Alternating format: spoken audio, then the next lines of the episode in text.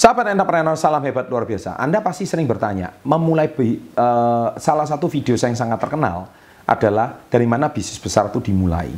Nah, sekarang pertanyaan yang paling sering ditanya adalah, Pak, saya mau jadi entrepreneur, tapi mulai dari mana?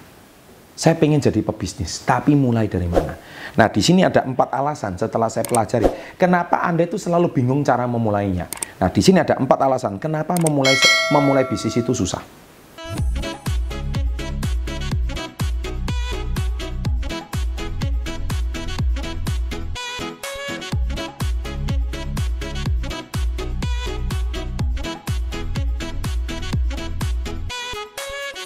Sebelum saya bongkar empat alasan tersebut, ada baiknya Anda subscribe dulu. Karena setelah Anda subscribe, loncengnya diaktifkan, saya akan bongkar semua rahasianya. 3, 2, 1. Terima kasih. Nah, dengan Anda subscribe, Anda akan tahu banyak ilmu dari channel ini. Yang pertama, kenapa Anda itu tidak mau memulai bisnis? Jawabannya satu adalah Anda takut gagal. Titik, udah itu aja. Tidak usah banyak teori. Kenapa? Pak, nanti kalau modal saya nggak kembali gimana? Pak, nanti kalau barang saya nggak laku gimana? Betul? Nah, Pak, nanti kalau resikonya besar gimana? Oke. Jadi intinya belum memulai, tapi ketakutannya itu udah luar biasa kegagalannya. Sehingga akhirnya Anda memutuskan tidak memulai. Padahal sering kali itu saya selalu bicara, kalau jadi entrepreneur itu start small. Mulailah dari yang kecil. And dream big. Bermimpilah yang besar. Jangan start big. but dream small. Nah, jadi banyak orang itu start big, wah mulai ini dulu, bangun tempat, bangun ini, bangun itu. Belum apa-apa, bisnis sudah rugi. Start big. Akhirnya apa? Dream small. Akhirnya hasilnya nggak seberapa. Nggak bisa begitu.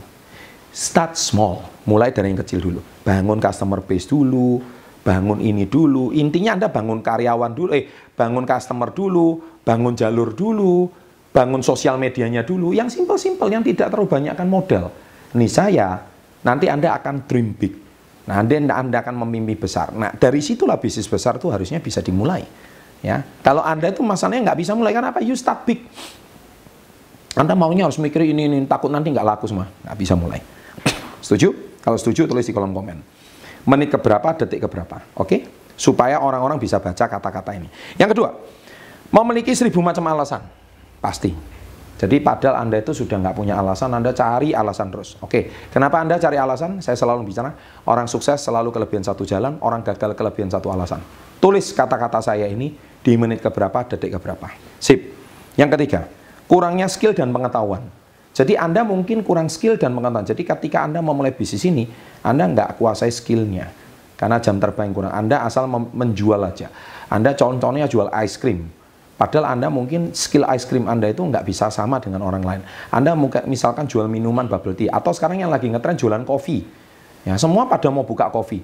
Bagi saya, kopi Anda itu kelebihannya apa dibandingkan dengan kopinya orang lain? Karena kopi bagi saya semua sama. Apa kelebihannya? Kalau Anda nggak punya kelebihan, ya contohnya Anda mungkin bisa bangun sosial media Anda, bisa memberikan konten-konten yang baik, edukasi tentang kebaikan kopi itu apa saya sosial media Anda akan dikunjungi orang. Channel YouTube Anda dikunjungin orang. Channel Instagram Anda dikunjungin orang. Channel Twitter Anda dikunjungin orang. Line Anda akan dikunjungin. Kan ada konten-konten menarik di sana.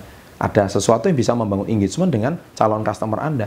Nah, ketika mereka sudah senang dengan channel Anda, sudah senang dengan platform sosial Anda, dia akan jatuh cinta sama uh, konten Anda. Ketika jatuh cinta sama konten Anda, dia akan kepo sama brand kalian. Nah, akhirnya dari situlah kurangnya skill dan pengetahuan ini.